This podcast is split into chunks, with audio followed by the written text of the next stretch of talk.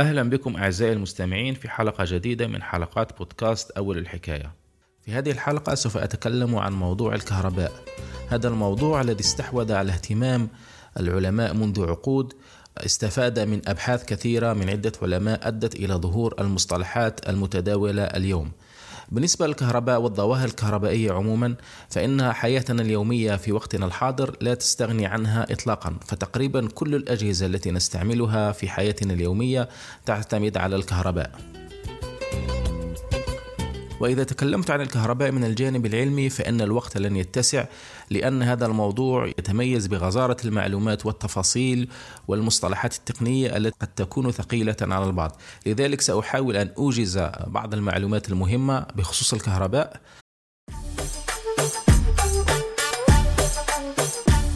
هذا البودكاست يأتيكم من استوديو تي حيث الإبداع لديه صوت. لتحصل على المزيد زر استوديو تي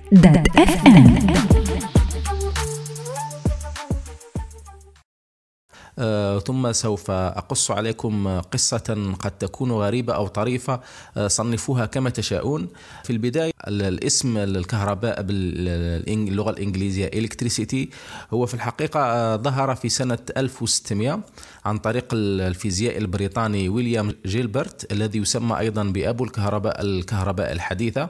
هو ابتكر كلمة اسمها electricus آه، لوصف القوة التي تظهر في المواد عند احتكاكها ببعضها ومنها بعد ذلك آه، جاءت كلمة electricity أما العالم الفرنسي شارل دوفاي فقد ميز بين نوعين من الشحنات الكهربائية وذلك في عام 1733 ومهد بذلك لظهور مفهومي الموجب والسالب لهذه الشحنات.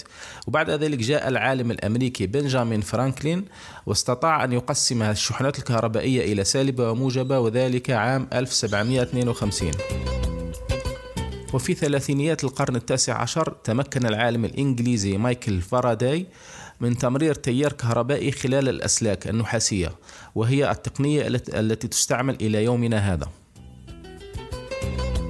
أما الحدث الذي أدى إلى انتشار استعمال الكهرباء فكان في عام 1878 وذلك عندما اخترع الأمريكي توماس إديسون المصباح الكهربائي. لأن آه، هذا هذا الاختراع يعني كان يحتاج لبناء نظام قادر على إنتاج الكهرباء ونقله إلى المنازل لكي يتم ترويجه وبيعه للمستهلكين. لذلك افتتح إديسون أول محطة لتوليد الكهرباء في نيويورك عام 1882 وذلك لتوليد التيار الكهربائي المستمر الذي يرمز له بدي سي لكن هذا النظام يعني كان يواجه مشاكل كبيرة وعدة عوائق وكان يتعرض لحوادث وحرائق وانقطاعات كثيرة كما أنه كان من الصعب نقله لمسافات طويلة عبر الأسلاك النحاسية. لذلك قامت شركة إيديسون في ذلك الوقت بتثبيت مولد كهربائي كل مسافة 2 كيلومتر وذلك لكي تقوم بتوصيل التيار إلى المنازل وإلى المصانع. أما القصة التي أود أن أخبركم بها اليوم فهي كانت يعني العلامة الفارقة في مجال الكهرباء وبدأت في سنة 1884 عندما هاجر العالم الصربي الشهير نيكولا تسلا إلى الولايات المتحدة الأمريكية ليعمل في شركة إديسون.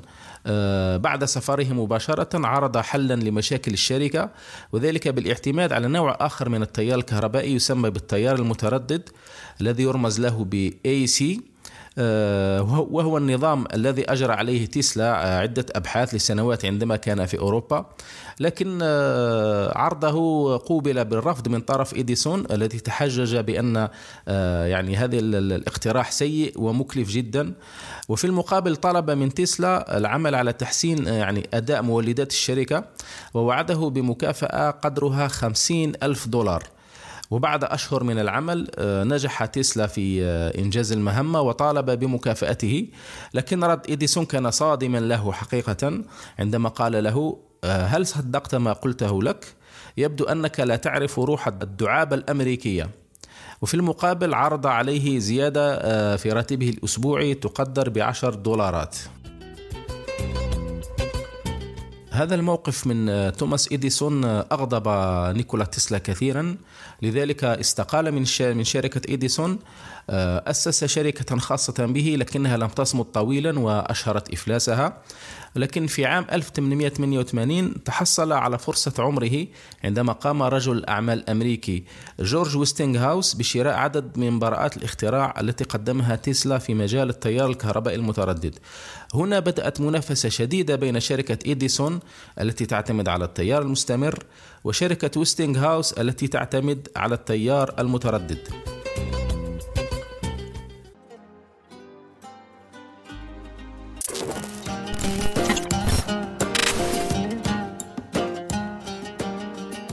هذا البودكاست قدمته لكم بكل حب من استوديو تي استوديو تي البودكاستات التي تحبون من أناس بهم تثقون.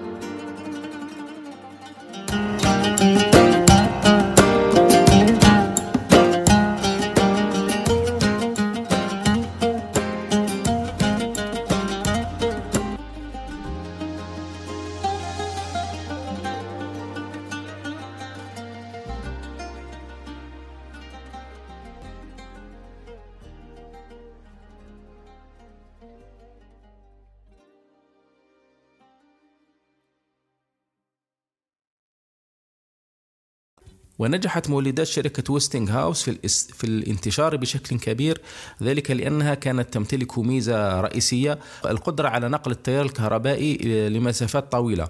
وهو ما جعل إديسون يشعر بالخطر على شركته لذلك اندلع ما يعرف باسم حرب التيارات. حيث عمل إديسون بطرق كثيرة على تشويه صورة التيار المتردد وذلك عن طريق استخدامه لصعق الحيوانات وقتلها. يعني كان يجلب حيوانات ويصعقها بالتيار المتردد وذلك ليخيف الناس من هذا النوع من التيارات. كما أنه زكى هذا التيار المتردد من أجل صنع أول كرسي كهربائي للإعدام في مدينة نيويورك وتم استخدام هذا الكرسي لأول مرة لإعدام سجين آه، يوم 6 أوت أغسطس من سنة 1890 ورغم محاولات إديسون المتكررة والعديدة لإخافة الناس من التيار المتردد إلا أن شركة ويستنغ هاوس كانت آه، يعني كانت أعمالها تنتشر بشكل واسع وتأخذ منحا تصاعديا. بلغ ذروته عام 1896 عندما حازت على عقد لبناء مولدات تيار متردد لصالح شركة آه، أو محطة توليد الكهرباء في شلالات نياجرا وهو ما يمكن اعتباره آه، ضربة قاضية لشركة إديسون وبالتالي انتصر آه، يعني أنصار التيار الكهربائي المتردد وهو النوع الذي يصلنا إلى المنازل إلى غاية وقتنا الحالي. أما بشأن الصراع يعني الذي قام بين إديسون وتسلا فإن هناك البعض من يشكك فيه أصلا ويقول أنه لم يكن هناك صراع آه، ويستدلون على ذلك بأن نيكولا تسلا تحصل في عام 1917 على ميدالية إديسون من المعهد الأمريكي لمهندسي الكهرباء وفي المقابل يستدل آخرون يعني على السيرة الذاتية لنيكولا تسلا لتأكيد أنه كان هناك صراع بينه وبين إديسون لأن يعني في هذه السيرة الذاتية التي كتبها الصحفي جون أونيل بعنوان عبقرية فادة قصة حياة نيكولا تسلا أنه خصص يعني فصلا كاملا للحديث عن قضية وسام إديسون الذي تحصل عليه تسلا. ويقول كاتب هذه السيرة الذاتية والذي كان مقربا من تسلا في يعني في سنواته الأخيرة أن تسلا رفض في البداية استلام هذه الجائزة وفي في يوم الاحتفال الذي خصص له آه، لم يحضر الاحتفال في البداية وذهب ليطعم الحمام في أحد شوارع نيويورك لكن أحد أصدقاء تسلا أقنعه في نهاية المطاف بحضور الحفل واستلام الجائزة. ولكن آه، يعني الثابت أمام تضارب الروايتين هو أن التيار الكهربائي المتردد هو هو الذي انتصر في الأخير آه، وبالتالي انتصرت فكرة آه، نيكولا تسلا والدليل على ذلك أن الكهرباء التي تصلنا اليوم إلى البيوت والمنازل والمصانع وفي كل مكان هي عن طريق التيار الكهربائي المتردد. كانت هذه باختصار قصة الكهرباء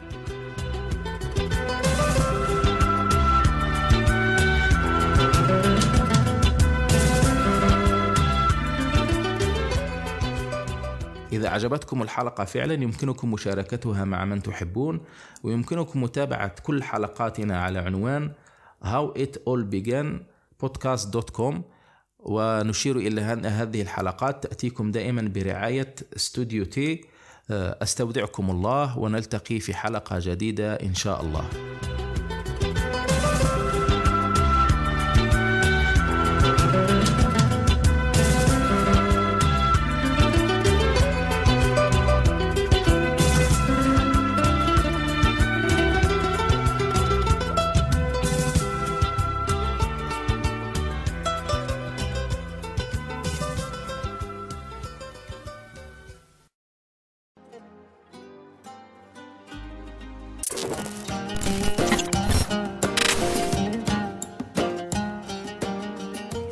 هذا البودكاست قدمته لكم بكل حب من استوديو تي استوديو تي البودكاستات التي تحبون من أناس بهم تثقون.